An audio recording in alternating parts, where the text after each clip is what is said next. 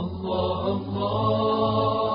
الله الله الله بسم الله الرحمن الرحيم اللهم إني أسألك فيه ما يرضيك وأعوذ بك مما يؤذيك وأسألك التوفيق فيه لأن أطيعك ولا أعصيك.